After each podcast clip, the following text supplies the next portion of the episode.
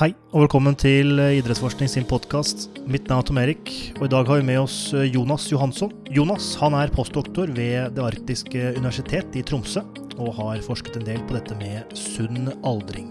I den sammenheng så skal vi snakke litt om det å bli eldre, i form av eh, fysisk tilstand og hva som reduseres i kroppen vår. F.eks. dette med muskelstyrke og muskelmasse går jo nedover i det vi blir eldre, og hvilke konsekvenser det har. Hvordan kan man forebygge disse konsekvensene? Kan man redusere eh, nedgangen i muskelstyrke og muskelmasse? Og eh, i så fall hvordan?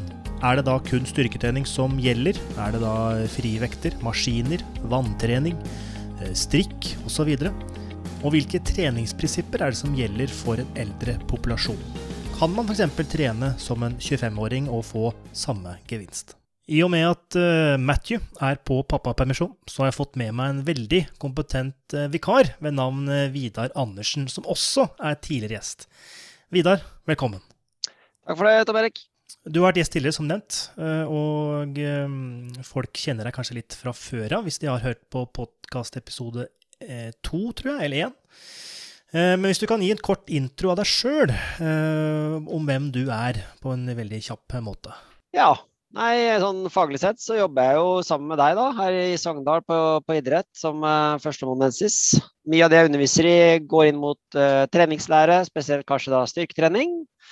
Litt inn mot fysiologi, og så det her med PT og PT-rollen, da. Altså inn mot uh, utdanningen PT. Og hva tenker du, hva, hva, kan du tilføre til poden som ikke Matthew kan tilføre, Vidar? norsk. Nei, eh, nei, det er vel ikke så mye. Jeg tenker jo Matthew er jo veldig kompetent, han også. Så jeg skal ikke, jeg skal ikke si at jeg skal tilføre så mye mer enn det, enn det han kan bidra med. Men uh, ja, jeg kan da fungere som en liten assistent. Uh, være med og stille noen spørsmål. Jeg er jo generelt litt interessert i, i forskning på ulike områder, og jeg syns det er veldig kjekt å, å høre på podkasten deres når det er mange forskjellige temaer som, som, kommer inn, og mye som jeg ikke kan om. og Da, da syns jeg det er kjekt å spørre og grave litt, og få tilfredsstilt nysgjerrigheten min. Da. Så det, det, håper jeg at jeg kan eh, bidra med å stille noen spørsmål og, og komme med noen vinklinger eh, til de forskjellige gjestene som jeg skal være med på. Supert. Det blir flott å ha deg med, så det blir veldig bra. Og med det så ønsker jeg deg en god lytting. Velkommen Jonas Johansson til vår podkast. Alt bra med deg oppe i nord, antar jeg du befinner deg? Ja, tackar. Ja, veldig fint her oppe. Akkurat nå har jo finværet kommet til Tromsø etter en augusti og september som har vært særdeles mye regn og tåke og skyer og sånn der. Så det er godt å, godt å ha det fint igjen. Ikke sant. Ikke og godt sant. å være med på podkast. Ikke sant. Enda bedre. Ja. Eh, perfekt. Um, du, Jonas, du er postdoktor ved Det arktiske universitetet. Ja. Eh, som også kalles Universitetet i Tromsø. Vi hadde jo en liten eh, ikke diskusjon, men en liten i hvert fall en kommentar på at det faktisk har begge navn, og bruker fortsatt begge navn, men at det er arktisk universitet som prefereres, eh, slik jeg har forstått det. Ja, det har väl varit lite namnbyten fram och tillbaka som jag har förstått det. Jag kom ju hit för tre år sedan då, flyttade hit från Sverige och att man vill ju profilera sig lite att det är uppe i Arktis eh, man är. Så det är benämningen när man skriver artiklar och sånt. Då får man skriva UIT, the Arctic University of Norway, som är en förfärligt lång, men, men väldigt precis eh, ändå, alltså lite som profilerad, eh, vad ska man säga, titel på universitetet. Riktigt. Och det stämmer, så är jag postdoktor vid Institut för samfundsmedicin då, på en ja. hälsovetenskaplig fakultet. Riktig, riktig. Og uh, i tradisjonstro så ønsker vi å selvfølgelig bli litt bedre kjent med deg som gjest. Så hvis du kan si litt uh, kort om deg sjøl i form av utdanning, jobb og forskning. Absolut. Um, och som alla som lyssnar på den här podden som kommer höra så är jag från Sverige och vi har kommit överens på förhand att det här kommer bli på svorsk. så jag tänker att det går säkert helt okej. Okay. språken är ju väldigt lik, men det är några ord här och där som jag har funnit ut av att det är gott att skifta ut så att vi har full förståelse för varandra. Men överlag så är normen väldigt goa på att känna vad svenskar säger. Um, så jag heter ju Jonas och jag kommer ju ursprungligen från Södertälje som ligger söder om Stockholm, men jag flyttade upp till Umeå när jag var 21 år gammal för att påbörja sån eh, idrottsvetenskapliga studier där på Bachelor. Och så syns jag det var väldigt intressant och så kom jag underveis i kontakt med lite sån mera medicinsk eh, inrättelse på idrottsvetenskapen. Så jag tog en master i idrottsmedicin där uppe. Um, det är väldigt mycket liknande det som ingår i, i sådana träningsfysiologiutandningar idag. Då. Och de har ju nettopp startat upp det första träningsfysiologprogrammet i Sverige där uppe i Umeå nu också.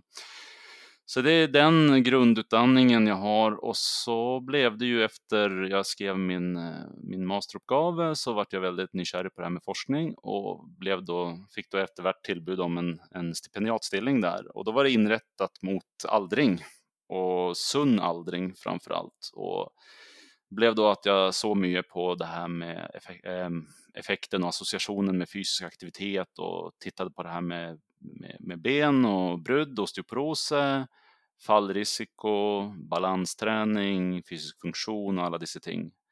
Ehm, så jag tog en doktorgrad där eh, som jag blev klar med 2018 och den, så att den doktorgraden är på mått i, det blev i folkehälsa, så, så mastergrad i eh, idrottsmedicin och doktorgrad i folkehälsa.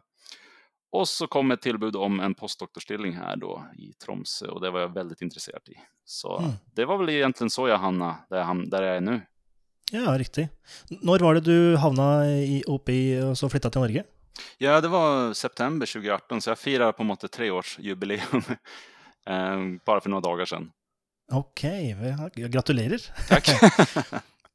um, doktorgraden dins um, tematikk, altså dette med sunn aldring, ja. uh, hva var på en måte motivasjonen bak å undersøke eller forske på dette, tematikk, eller dette, dette temaet?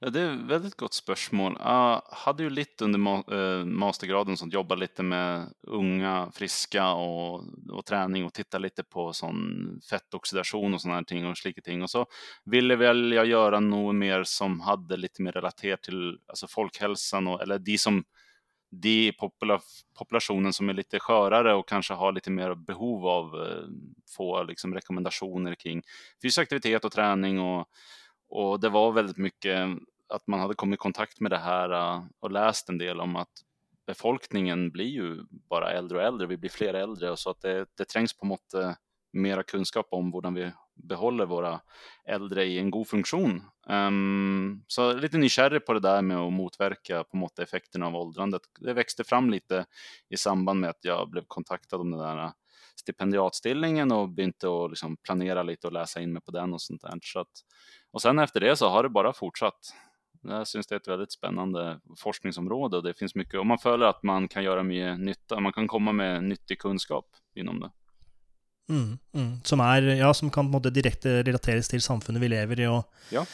ja, det er ma direkte matnyttig. Er det, mm. måte, er det, er det uh, noe som på en måte reflekteres i din forsknings, uh, dine forskningsmeritter eller forskningsstudier? At uh, det må være noe som er Eh, practical uh, Ja, um, norsk ordet for det. Uh, har en praktisk implikasjon for samfunnet? Er det ja, um, um, ja, det är ju liksom både och det där. För en del studier gör man ju lite mer av epidemiologisk karaktär och ser på samband mellan försäljning saker och ting. Och så ibland har man fördelen att undersöka något som faktiskt kan vara ett typ av test eller en målemetod eller något som där, där du kan finna ut terskelvärdier och sånt som skulle kunna brukas av kliniker och sån i prevention. Men så har jag också, inte egentligen relaterat till det jag gjorde i doktorgrad, men det jag gjorde parallellt med doktorgraden så gjorde vi en del interventionsstudier på balans och styrketräning. Och där får man ju lite mer sådana eh, forskningsresultat som kan ha lite mera implikationer på hur man påverkar hälsan hos de äldre. Absolut, absolut. Og vi skal jo forhåpentligvis alle bli gamle en dag, så det, jeg setter pris på at du gjør dette, Jonas. ja, det er hyggelig. Finner, finner, ut av ting og uh, gjør oss uh, preppa for det som kan komme.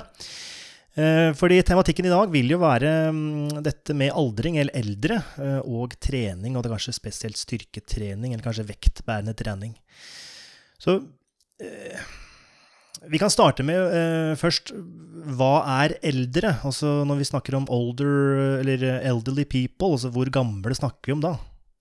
Ja, det är ett väldigt eh, spännande spörsmål och det är ju lite sån diskussion och sen har det väl varit en del kritik mot att bara klumpa samman alla och kalla dem för äldre och jag vet att jag otaliga gånger har fått kommentarer från reviewers på papers om att icke bruka elderly till exempel i som Ah. definitionen. Så man, jag brukar snacka om older adults eh, Okej. när jag skriver dem. Men det är ju också försäljning. Det finns ju, man kan säga att det finns kategorier av young elderly och så finns det de, mm, alltså middle aged elderly och så finns det oldest old.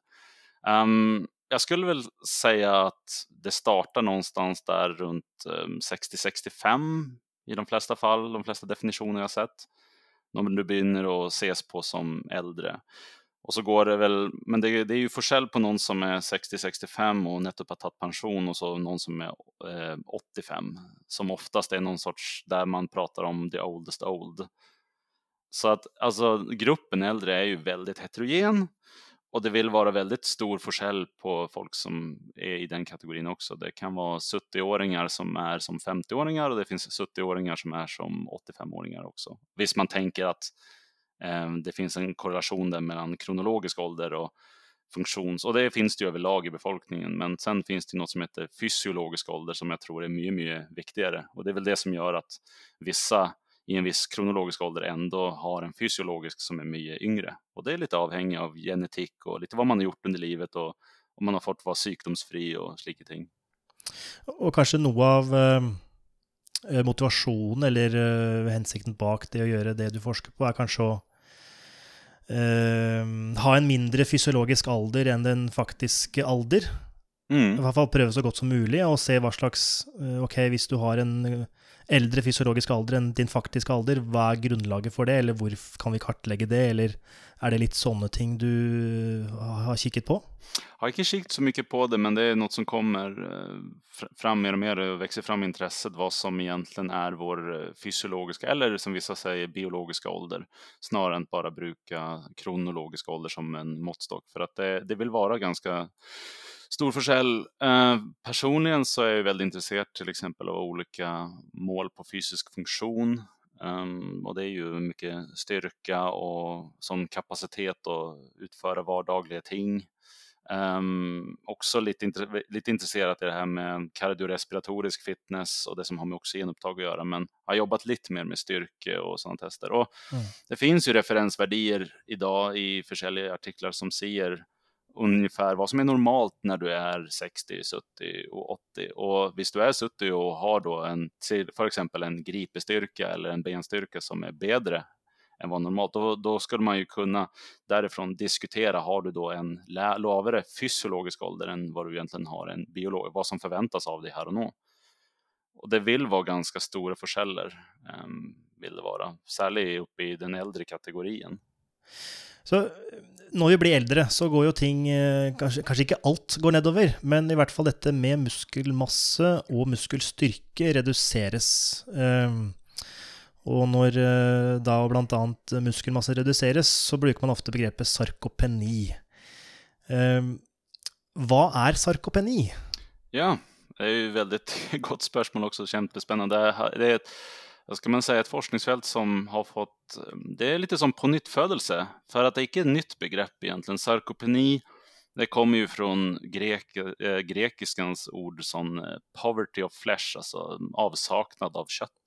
Ah, Avsaknad.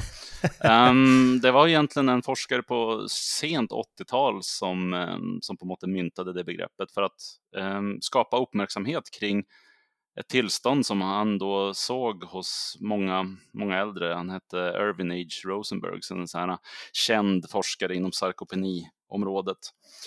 Och för att beskriva det som sker med åldring, att man ser en tap av muskelmassa. Och så har det skett ganska mycket under tiden, särskilt 2010 begynte man att skapa de första definitionerna och terskelvärdierna på framförallt då lav muskelmassa som oftast då målas med eh, sån DEXA-scan. Man tittar på lean mass och med en sån DEXA-scan som ho Marie pratade om i den andra podcasten som var här från UIT. Och mm, så efter det så började väl forskningen ta lite mer och mer fart på det här med eh, muskelrelaterad förlust som kommer med ålder och mm, man begynte att producera mer och mer artiklar och titta på samman, sammanhängen med flera olika sjukdomar och, och funktion och så hos äldre. Och sen etikvärt var det faktiskt så att eh, 2019 kom eh, jag ska säga det, det finns flera definitioner på sarkopeni. Det finns tyvärr, och det är lite det som forskningsfältet sliter med nu, att eh, USA har en, Europa har en, Asien har en, Australien har en. Okej, okay, så pass. Och, ja, och urs men ursprungligen så handlade det väldigt mycket om muskelmassa, att man målte det först och sen tittade man i sin tur på eh, styrka och fysisk funktion och sånt.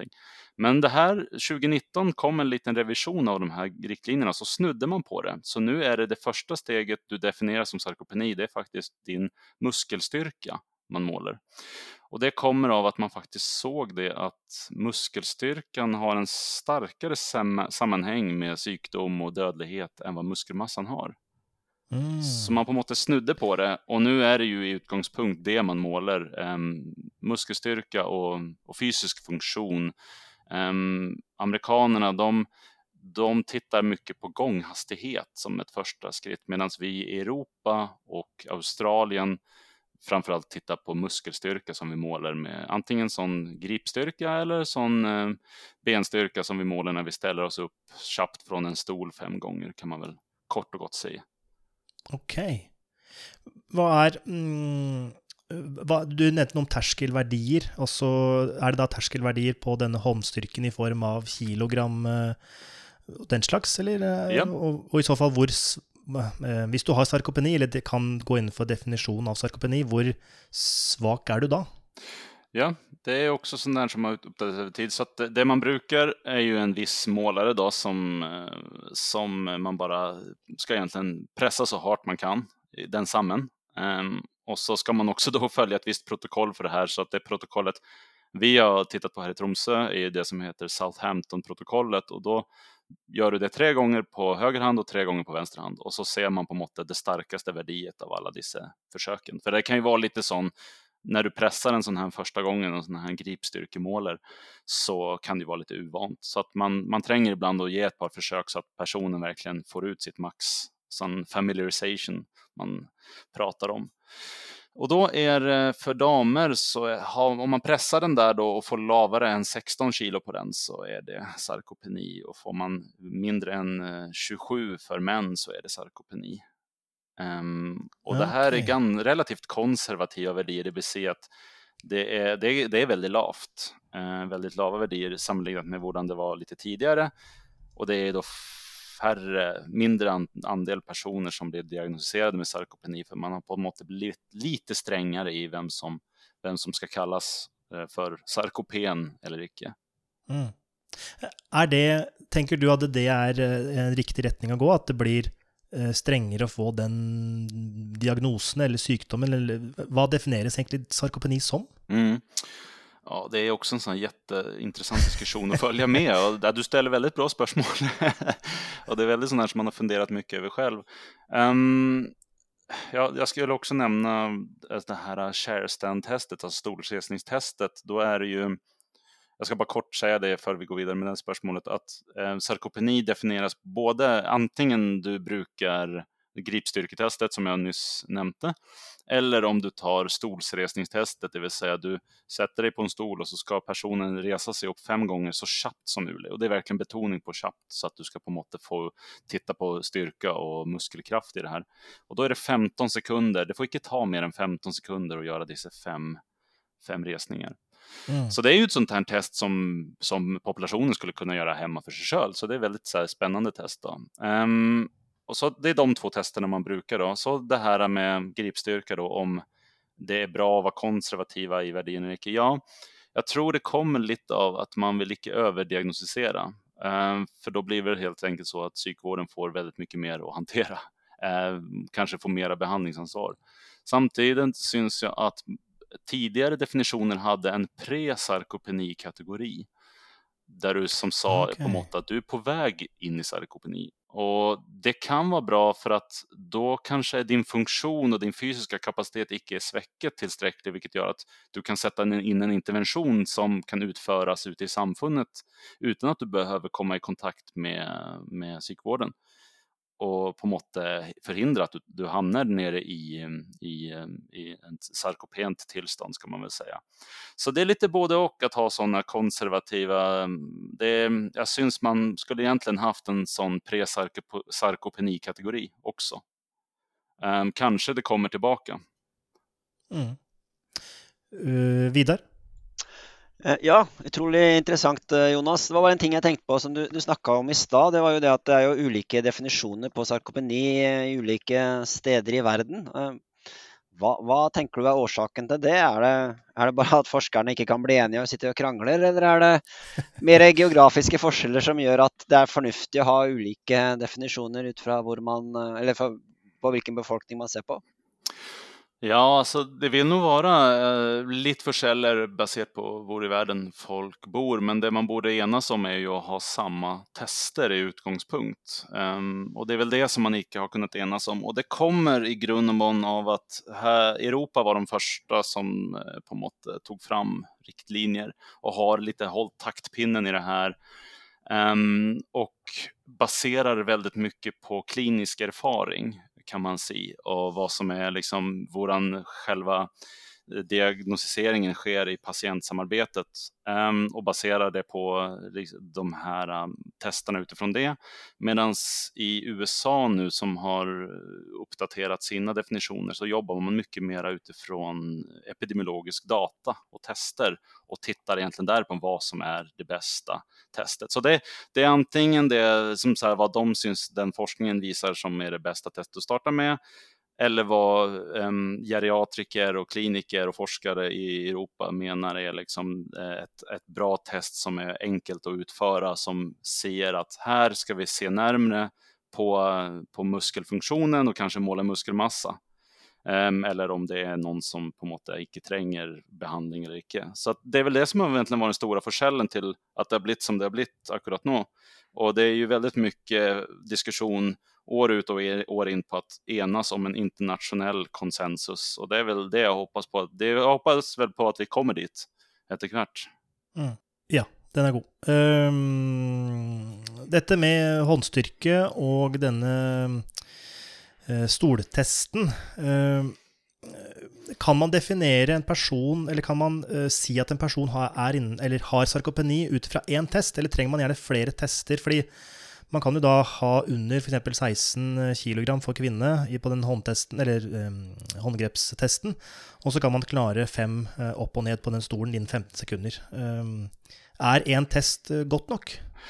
Ja, det är ju liksom spörsmålet där också för um, egentligen tror jag ju inte det. Och um, tittar man på den europeiska definitionen igen då så anbefaller de ju flera tester avhängigt av vad du, våran du skårar dig på den första. Så skårar du dåligt på mm. handgrepptest eller stolsresning då ska du på måttet vidare och målas för muskelmassa med, med en DEXA. Kanske du kan använda, bruka bioimpedans också. Och så ska du vidare efter det och också testas på fysisk funktion, sån här time mm. up and ah. go, walk speed och andra ting. Eh, short physical performance battery som är ett sånt testbatteri av fysisk funktion. Så de har en sån algoritm för lite hur du ska tänka eh, avhängig av vad du, vad du uppdagar. Men, men det här gripstyrketestet och, och stolsresningstestet är ju inte helt lik varandra.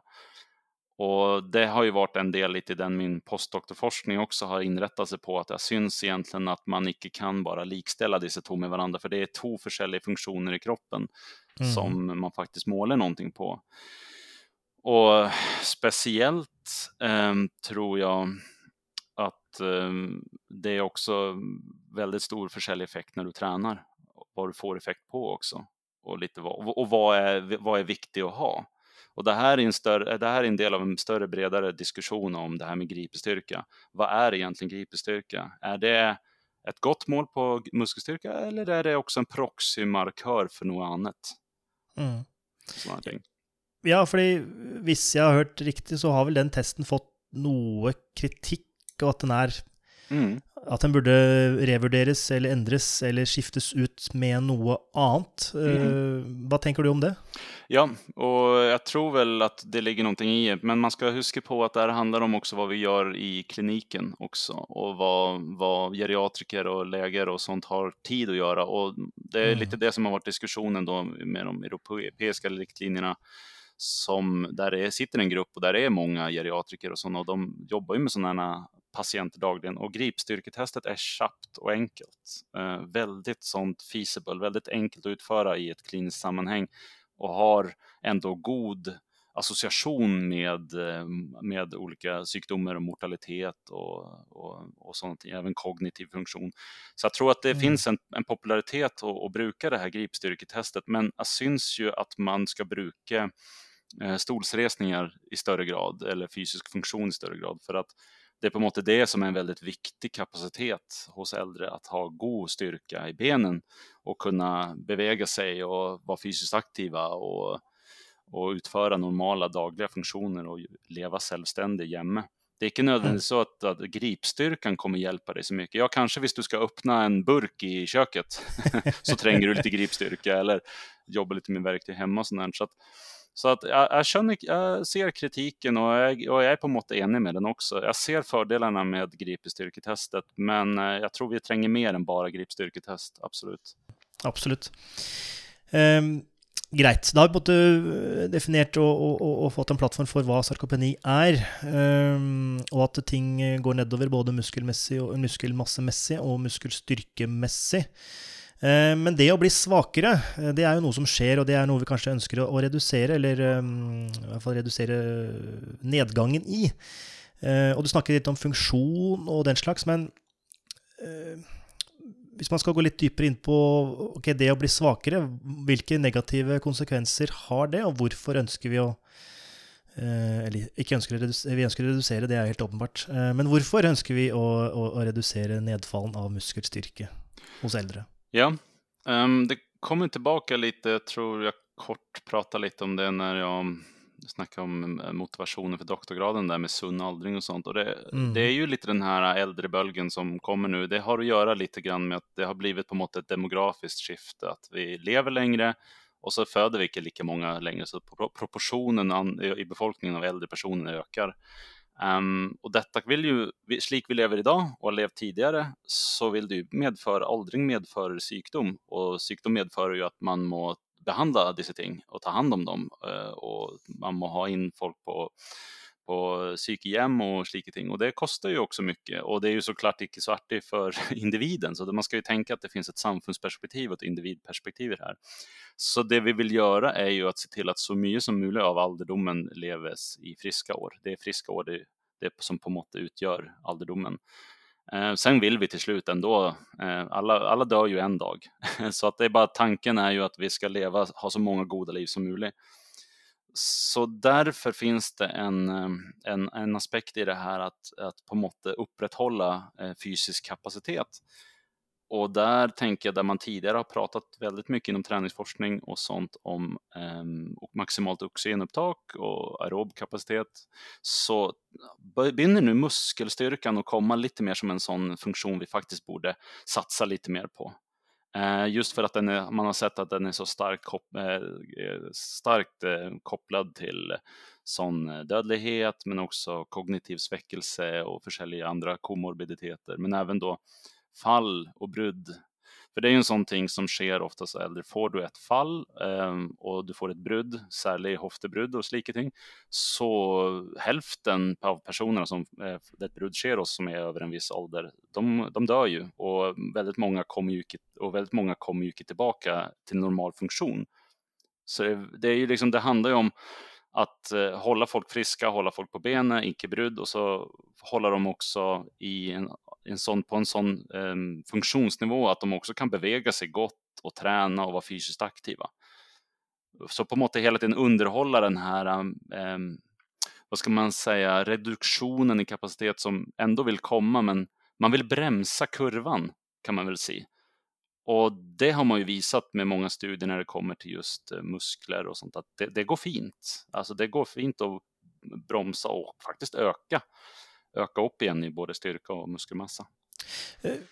Jeg vet ikke om du kan svare på dette, Jonas, men hvorfor, hvorfor mister vi muskelmasse? Altså vi, dette er en naturlig aldring, og vi, vi, altså man kan bremse utviklingen, men det vil alltid være en nedgang mm. til en viss grad. Men, men hvorfor er det sånn? Hvorfor kan vi ikke opprettholde muskelmassen vår? Er, er, det hormonelle ting som går nedover, eller er det andre ting? At vi blir mindre aktive, eller ja, Hvorfor mister vi denne muskelmassen når vi blir eldre? Ja, det är ju, där är man ju, det är ju inte forskningsområdet helt enig ännu, men det finns många olika teorier till varför det sker så. Och våra kroppar är ju också programmerade att leva en viss längd och det ligger ju i vårt DNA på måttet.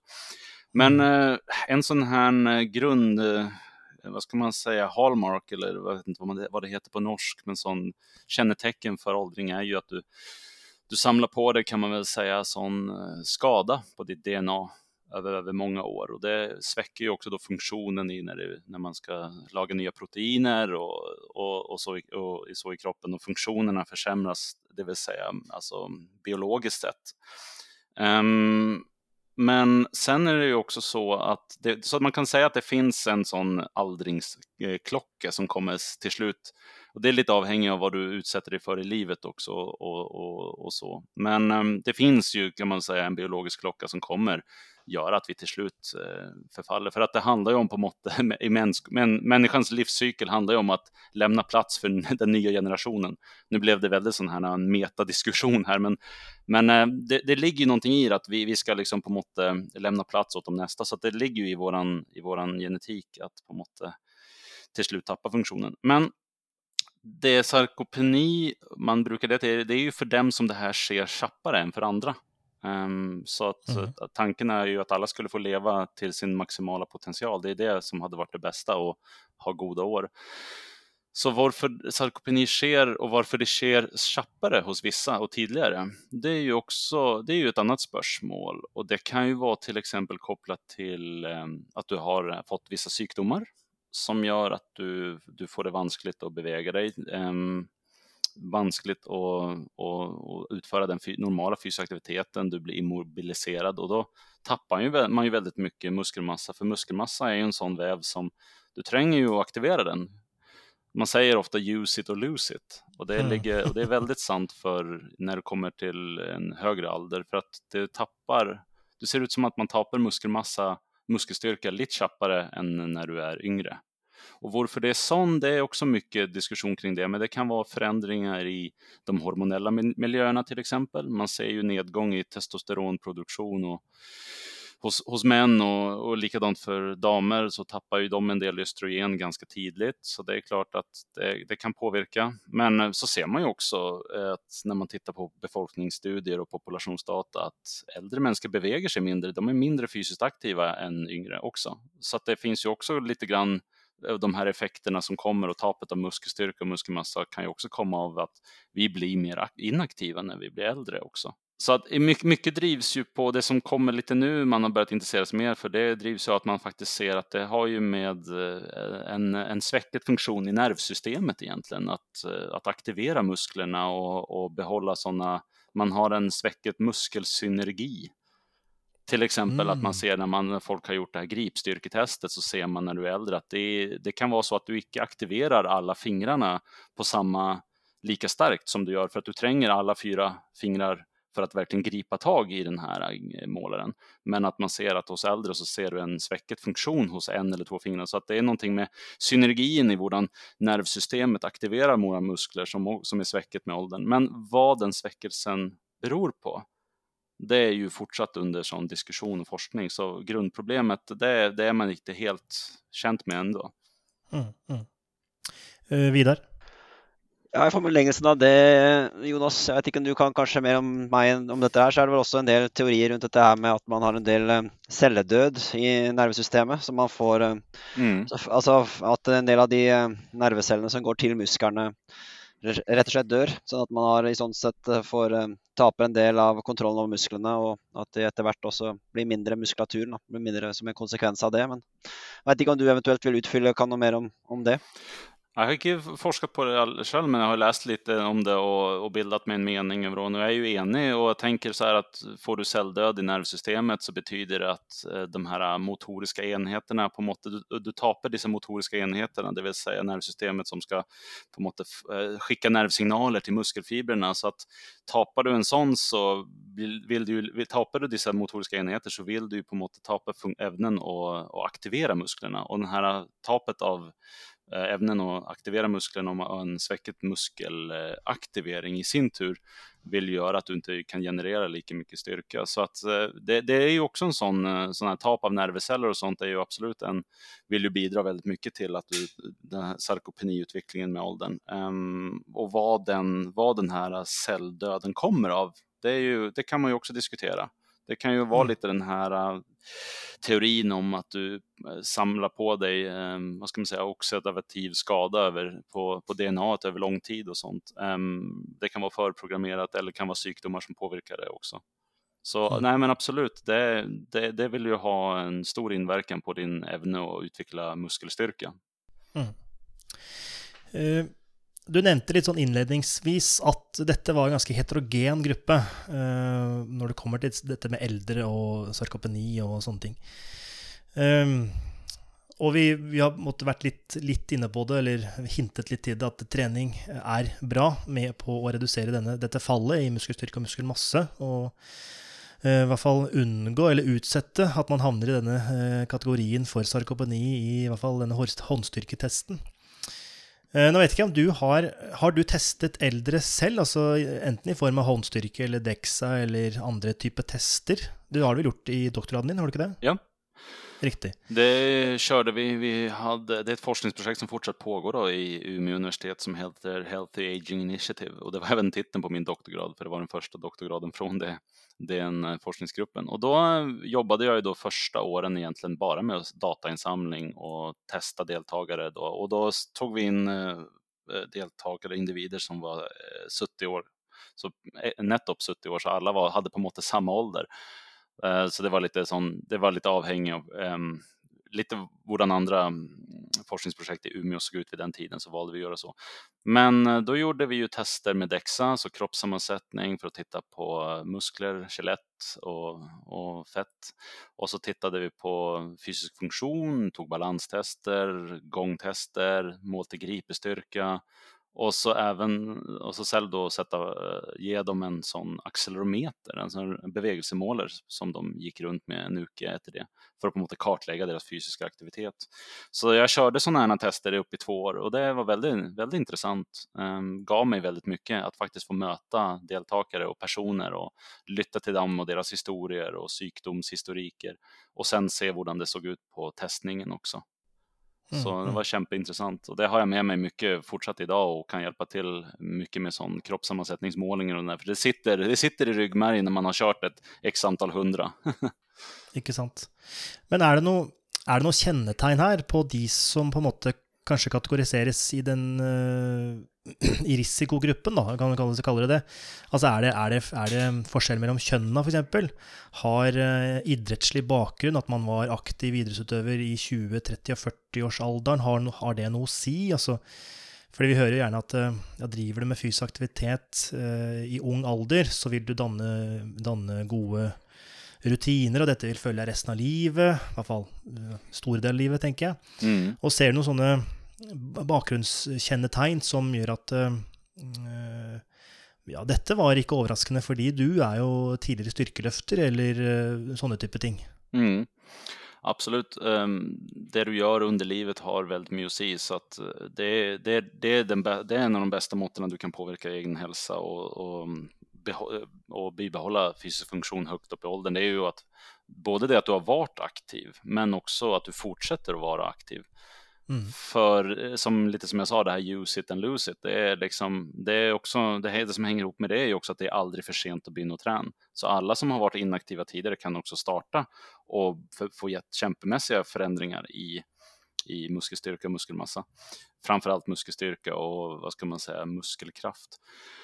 Um, och det är väl så att de som man pratar med och nämner som har en liten idrottslig karriär bakom sig, eh, träningsbakgrunder, eh, de, har, de gör ju bra på resultaten, men de har också ävnen att komma tillbaka tjappare till en, en bättre funktion. Jag tror det har lite med att göra med, ja. det finns det säkert mycket forskning på, man har snackat om det här med muskelminne och slika ting, men jag tror också det har lite att göra med med motivation på någon måte. Att personer som vet och har lite träningsbakgrund, de kan pusha kroppen lite mer och kanske kan de pusha sig lite hårdare, vilket gör att du också får bättre effekt av träningen.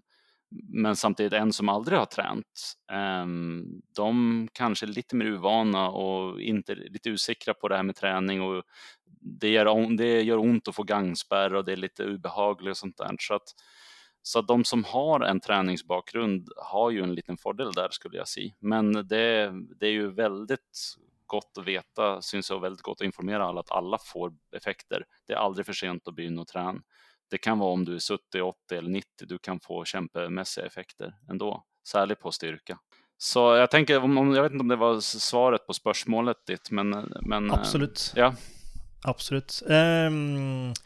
Fordi uh, For så vidt Vi snakker ikke så mye om beintetthet og sånne ting i undervisninga på idrettsstudentene, men uh, i hvert fall tidligere, når jeg jobba på videregående, så snakka vi opp dette om beintetthet og sånne ting. Og da kom ofte dette med vektbærende aktivitet, eller vektbærende mm. idrett, som type gåing, fotball, uh, styrketrening osv. Og så var svømming og sykling og roing var på en måte ikke vektbærende. Mm. Um, men det å sykle og det å ro er jo også fortsatt å være fysisk aktivitet. Men mm. hvis man skal redusere eller øh, er det noe um, Kan du fortsatt ha en god beintetthet og en god muskelstyrke selv om du har en svømme- eller roerbakgrunn eller en ikke-vektbærende idrottsbakgrund? Det kanske var ditt ja, spørsmål, men... Ja, ja, ja. Uh, ja alltså, det, nu blir det lite sån uh, synsing och lite min mening här för att uh, när jag inte har undersökt hela livsförlöpet på dessa ting så ska man ha, men man kan ju alltid ha en god diskussion om det och slik jag det så jag tror Visst, du är fysiskt aktiv i ung och vuxen ålder och hållit på med svimming och roing så, så har du ju en god kapacitet och svimmare har ju god muskelmassa eh, och liknande. Jag tänker att för en person som är äldre och ligger lite i riskzonen för att utveckla benskörhet så ska man nog vara lite försiktig med att anbefalla och de att begynna med svimming och cykling och kanske mer jobba med viktbärande aktivitet.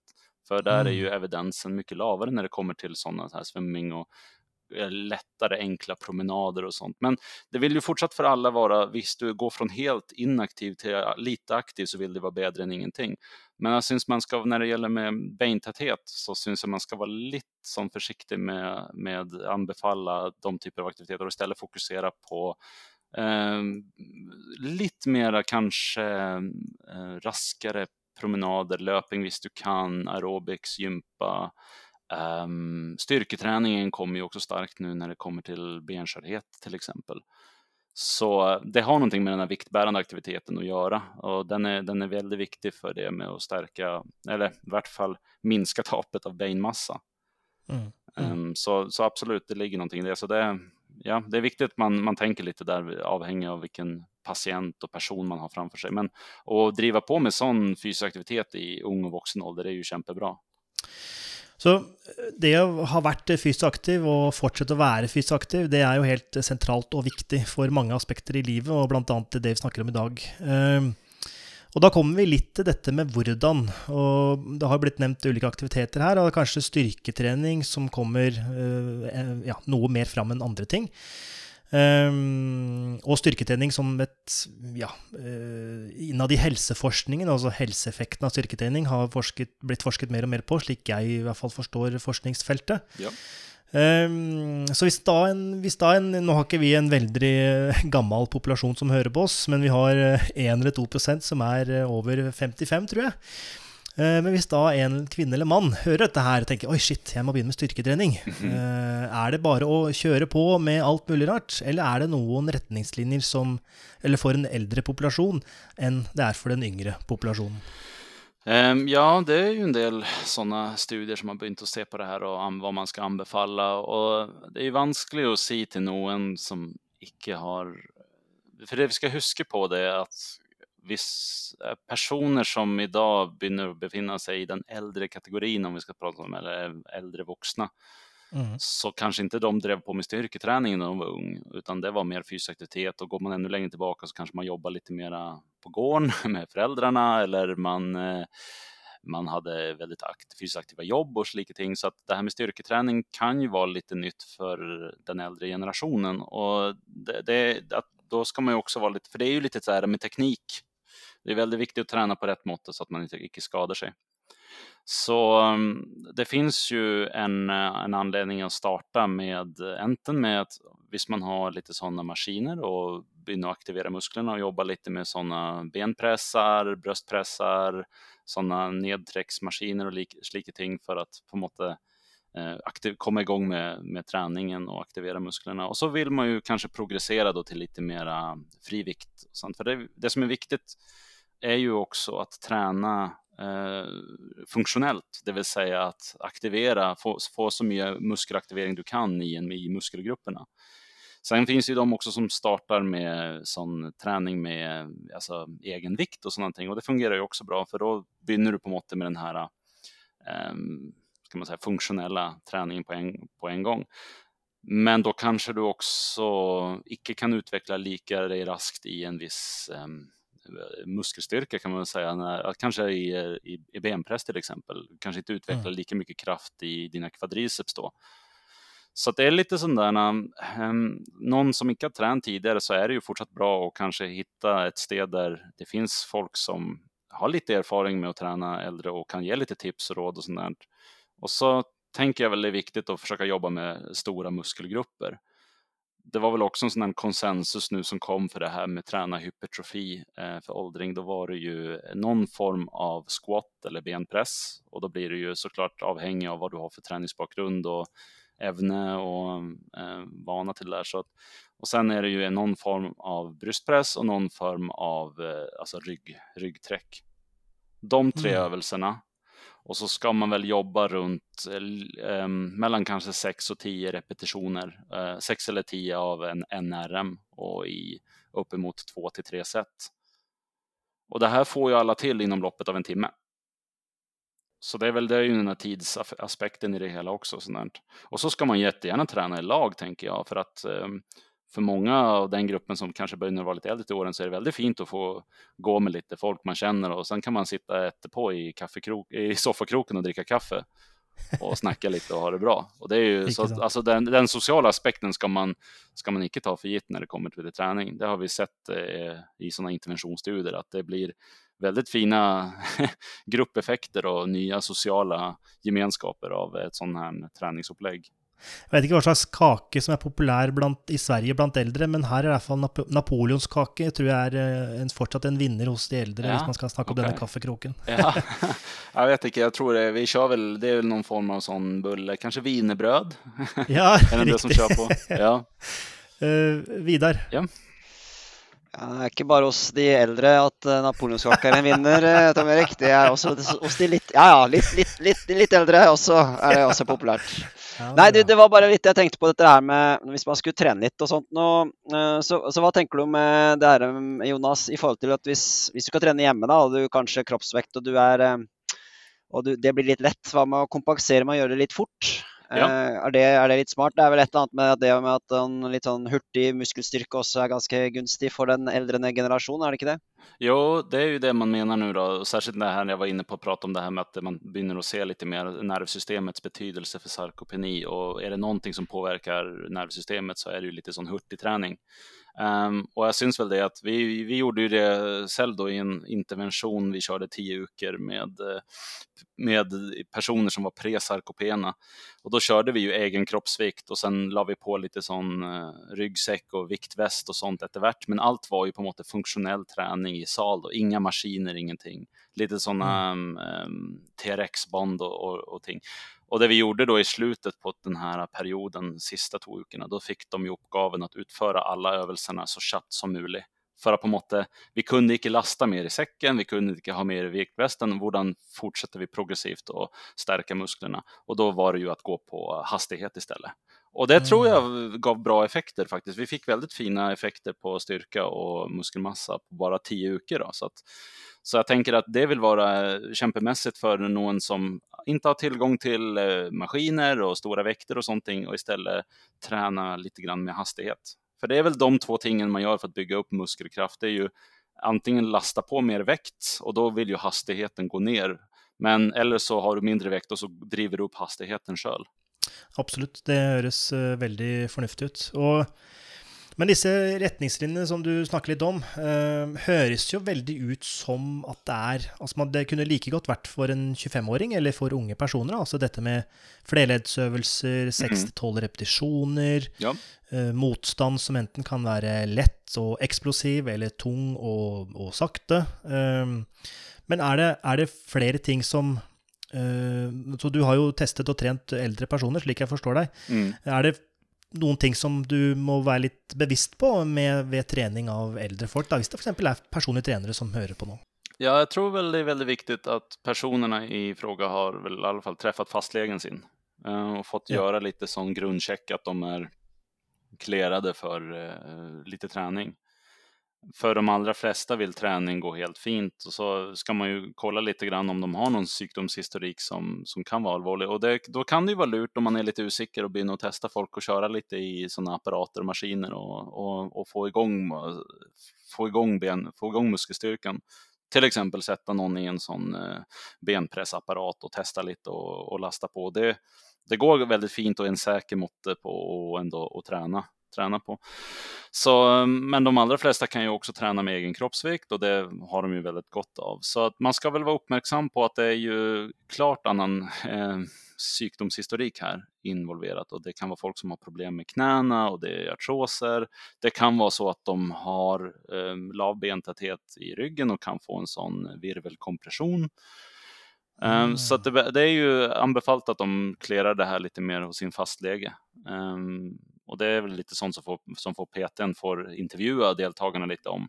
Men om de vet om att de har varit på någon hälsocheck, de här äh, äldre deltagarna och sånt där, så ska det gå helt fint att komma igång och träna lite. Um, och, men man må ju göra det med lite förnuft och höra lite att man kan inte kanske lasta på för fullt första öknen. Det, det är lite sån sund förnuft. Och det gäller ju för unga också och äldre, så det, det är ett sammantag där. Men, men man ska vara bevisst på att när det kommer till äldre och träning så är det ju en liten annan sjukdomsbild i, i grund och botten som man måste ta hänsyn till. Absolut, absolut. Ehm, um, når vi er inne på dette med styrketrening, så kan det jo brukes ulike former for utstyr. og Vektvest har blitt nevnt, og det å øke hastigheten har blitt nevnt. Og det å rett og slett være i et treningssenter som både har frivekt og maskiner, har også blitt nevnt. Ehm, I hvert fall når jeg var student, eh, så hadde vi både et eh, vanlig svømmebasseng, og så hadde vi et mer varmt basseng som var litt mindre. Og der var det ofte eldre som sto og trente i vann. Gjerne da med sånne eh, plater på hendene sine, for å da sikkert øke motstand eller vannmotstand, slik at det ble tyngre.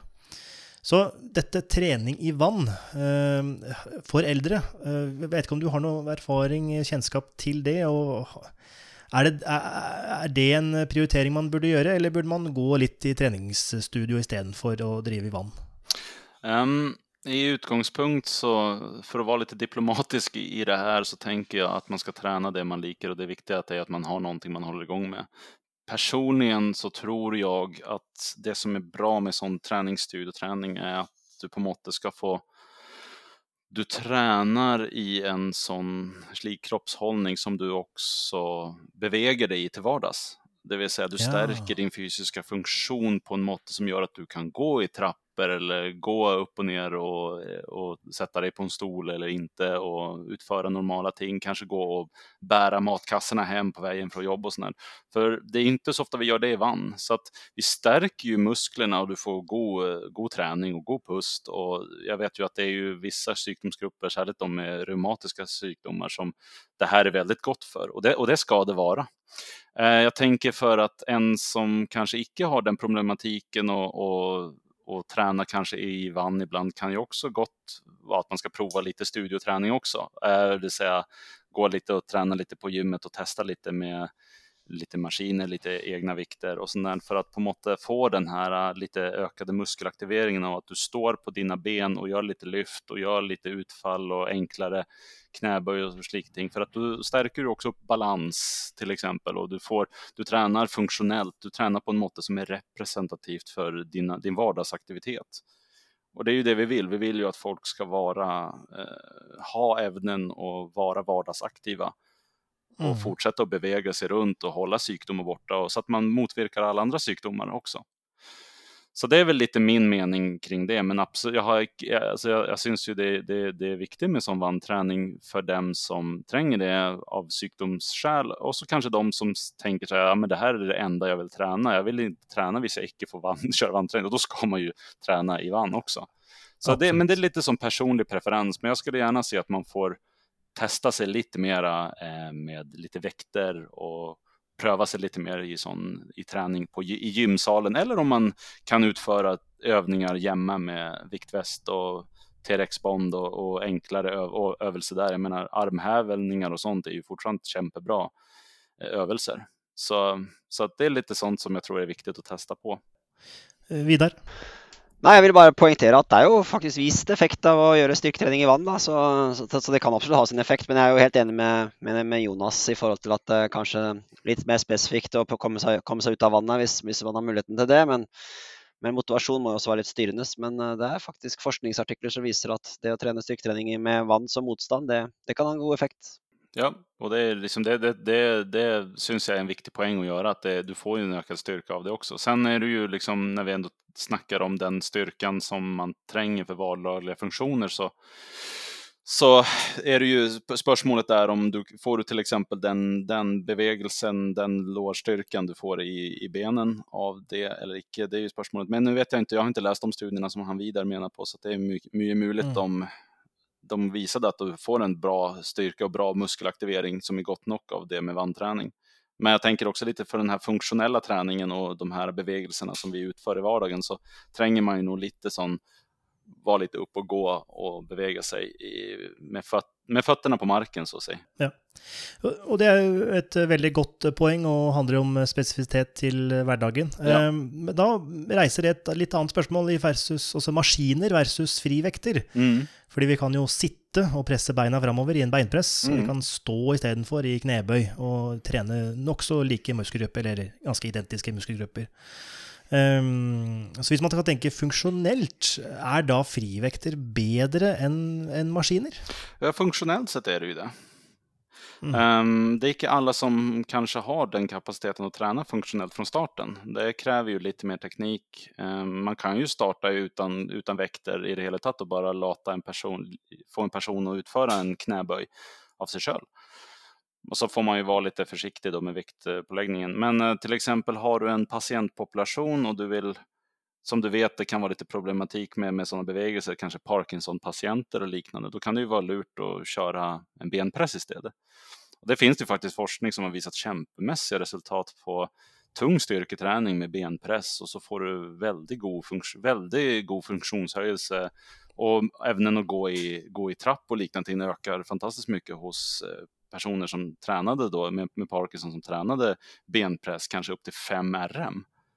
Oj. Så det är ju någonting man ska, ja det är en studie av eh, Eivind mm. Wang och kollegor som har tittat på det, det syns jag är kämpemässigt. Då har sammanlignat den med traditionell rehabilitering egentligen. Ja, okay. Ehm, jag tänker att vi kommer få se mer av sådana studier i framtiden när man prövar att få in det här med lite tyngre styrketräning. Uh, så då tänker jag det här med, då har ju kanske det här med maskinträning en, en en viktig del att spela för att det blir på måttet lite mera lavtärskel och, och komma igång med försäljare patientpopulationer och ändå få en, en bra eh, muskelaktivering och styrkeökning som du ändå kan få på en sikker måte. Men generellt så vill jag ju anbefalla eh, relativt friska äldre, kanske de med mindre problematik, att i alla fall eh, träna lite mer som funktionellt. För det som är viktigt med det är ju, om vi, ändå, om vi kommer in på en annan aspekt, det är det här med att förebygga fall. Mm. Um, ehm, 90 procent av alla brudd sker ju på grund av ett fall. Så man snackar ju ofta om att ja, vi ska förebygga brudd, det ska vi förebygga med sån eh, osteoporosbehandling, men det finns ju också den aspekten att vi ska förebygga att folk faktiskt faller. Mm. Och träna, med, träna funktionellt så stärker du styrkan men också balansen på samma gång och gör dig kanske lite mer säkrare på benen när, när någonting sker som gör att din, din tyngdpunkter förskjuten så att du må på måttet parera det, det fallet, gör att du har du lite bättre eh, ämne och generera kraft i till exempel dina benmuskler så kan du ju också på något sätt parera det här fallet bättre. Och det här har man ju tittat på i sådana experimentella studier också, där man har haft äldre på trädemöller och så har de blivit, har helt plötsligt kommit någonting på den här trädemöllan som gör att de måste kliva över någonting. Och ah. de som hade en starkare muskelkraft eh, i, i benen, de var mycket bättre på att på något parera det här eh, hindret som kom och icke falla i den och icke tappa balansen. Okay. Så jag tänker det är en viktig aspekt att hålla folk på benen i träning och i fritid och undvika brydd. Så träningen kan på mått tillpassas lite här och det tycker jag är någonting viktigt att forska vidare på och kommunicera att eh, styrketräningen, du har ju den möjligheten att tillpassa det efter din patientpopulation eller din eh, population, vilka det nu är som kommer och tränar, om det är en frisk äldre eller om det är någon med någon viss tillstånd som du måste ta hänsyn till. Og dette med balanse, eh, som du nämner, kanske burde være mm, alltså Altså, styrketrening forbedrer jo balanse hvis balansen din er svekket. Jeg er usikker om det gjelder eh, äldre, eldre, det får nå du svara på. Men vil det da være et argument for at eldre også skal trene mer ettbeinsøvelser eller utfall der tyngdepunktet endrer seg eller flytter sted, da? Er det... Mm, det är också en uh, intressant diskussion för balans är ju på måte en väldigt specifik den har ju en extremt hög sån specificitet ska man säga. Alltså det du tränar det du Det finns studier som visar på sådana vipperplater att står du och vipper fram och tillbaka och tränar på den sortens balans så blir du icke bättre på att vippa från sidan till sidan. Så det är så ah. pass specifikt i alla fall med balansen. Okay, så ska du, tränar du med ett ben, då blir du god på att stå på ett ben.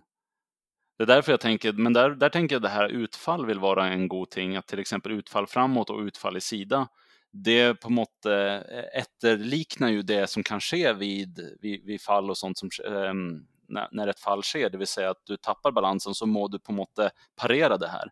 Så att då tränar du på något styrka och balans i samma övelse och det har jag väldigt mycket tro på. Så att på något mm. träna styrka och balans dynamiskt och balansen kommer av att du tränar funktionellt. Så jag tror inte så mycket på det här med att träna statisk balans. Men det är kanske någon annan som kan visa kämpemässiga resultat på studier på sånt sätt. Men de flesta eh, vad ska man säga, interventionsprogram när det kommer till styrka och balans, då är det ju oftast dynamiska övelser man gör. Jag vet ju att det är mycket sån tai chi-forskning och sånt som har tittat på det här med balans ja. och har visat en viss evidens. Um, då är det ju dynamisk balans, men jag tror ju du ska kombinera styrka och balans och tänker man då på utfall som övelse, så tycker jag man får en ganska klar bild över hur en effektiv träning eh, borde se ut. Gitt att alla kan utföra det och alla har ju kanske inte kapaciteten från start och begynner med detta så att man kan ha en målbild att det är dit vi ska komma förhoppningsvis i eh, liknande sådana övelser. Väldigt bra. Eh, kanske tai chi med väktväst är, är framtiden. ja, men det kanske hade varit något test i alla fall. Men, eh, men eh, ja. ja, tai chi inte, jag är inte någon sån förespråkare för egentligen det, men jag syns det är, det är ett exempel på en typ av träning som kan vara bra för just balansen, men du tränger ju också lite tyngre styrketräning också för att verkligen öka eh, muskelns ämne och producera kraft. För det har man ju visat sig vara väldigt viktigt för väldigt många sjukdomstillstånd, men också eh, sänka dödligheten i populationen. Ja, ja.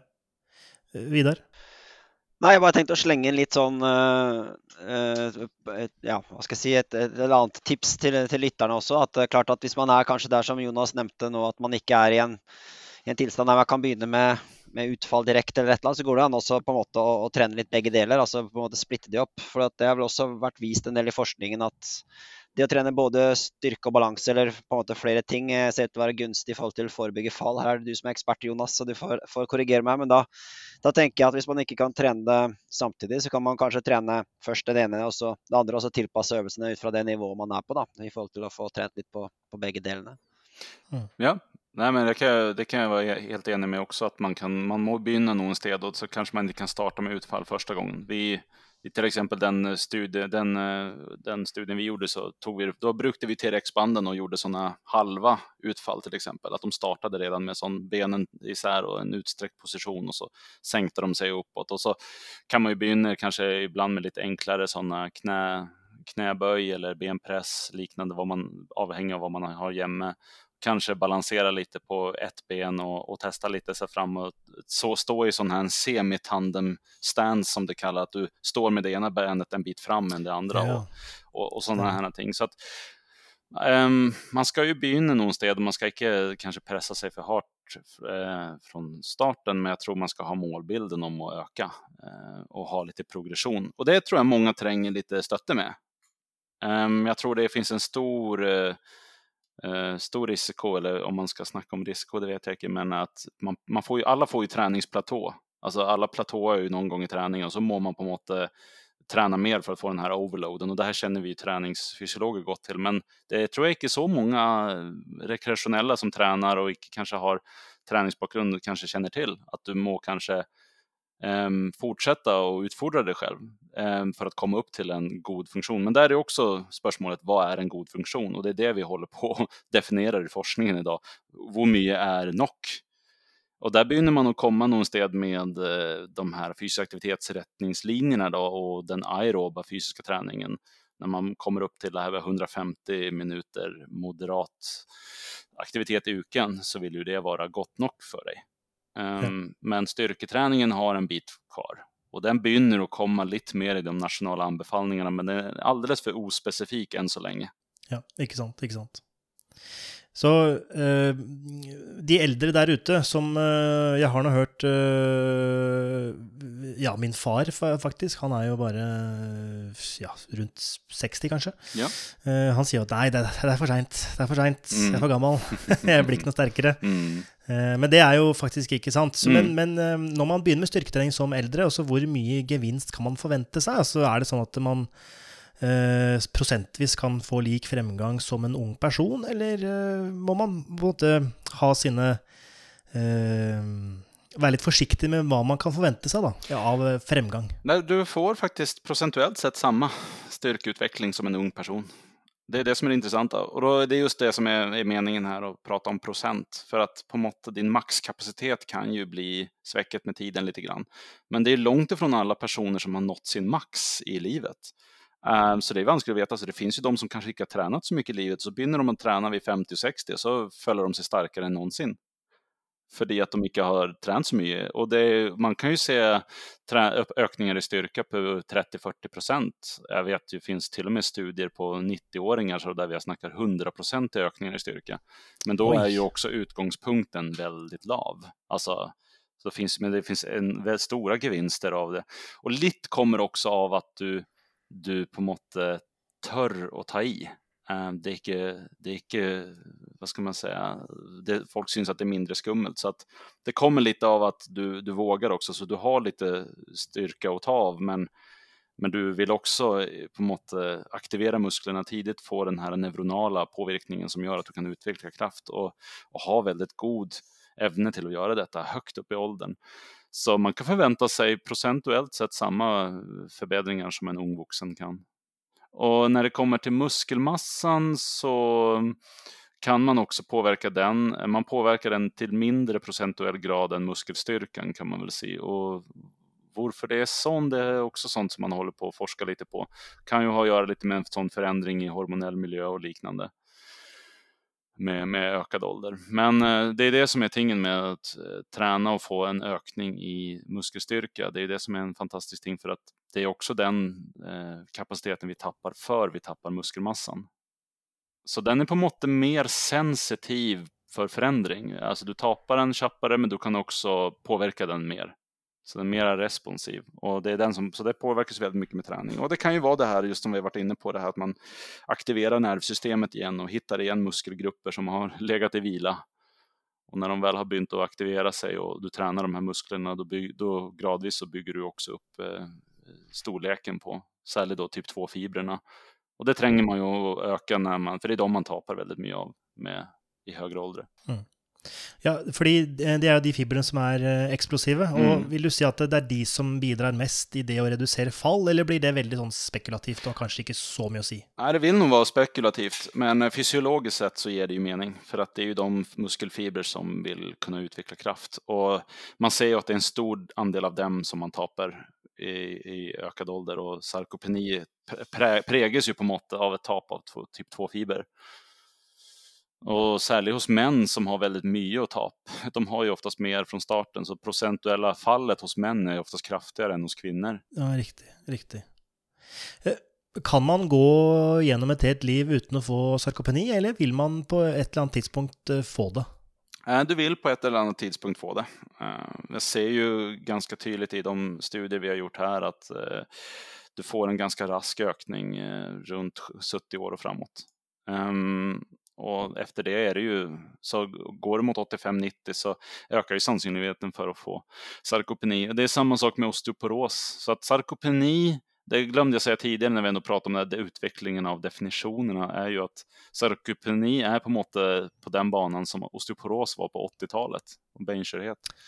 Och vi håller på att utvecklas i samma riktning. Och det är ju den här att vi kom, du kommer dit förr eller senare. En, en person som är 85-90, det är ju större andel av sådana personer som har osteoporos.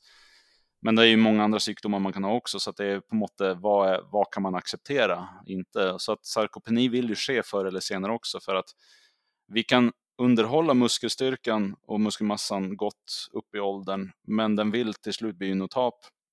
Så det här tapet kan ju bli ganska bratt på sluten också. Men man kan ju få andra sjukdomar, genetiska, kan ju få hjärtinfarkt fortsatt som är dödligt. Så att själv om du har haft god muskelstyrka och muskelmassa.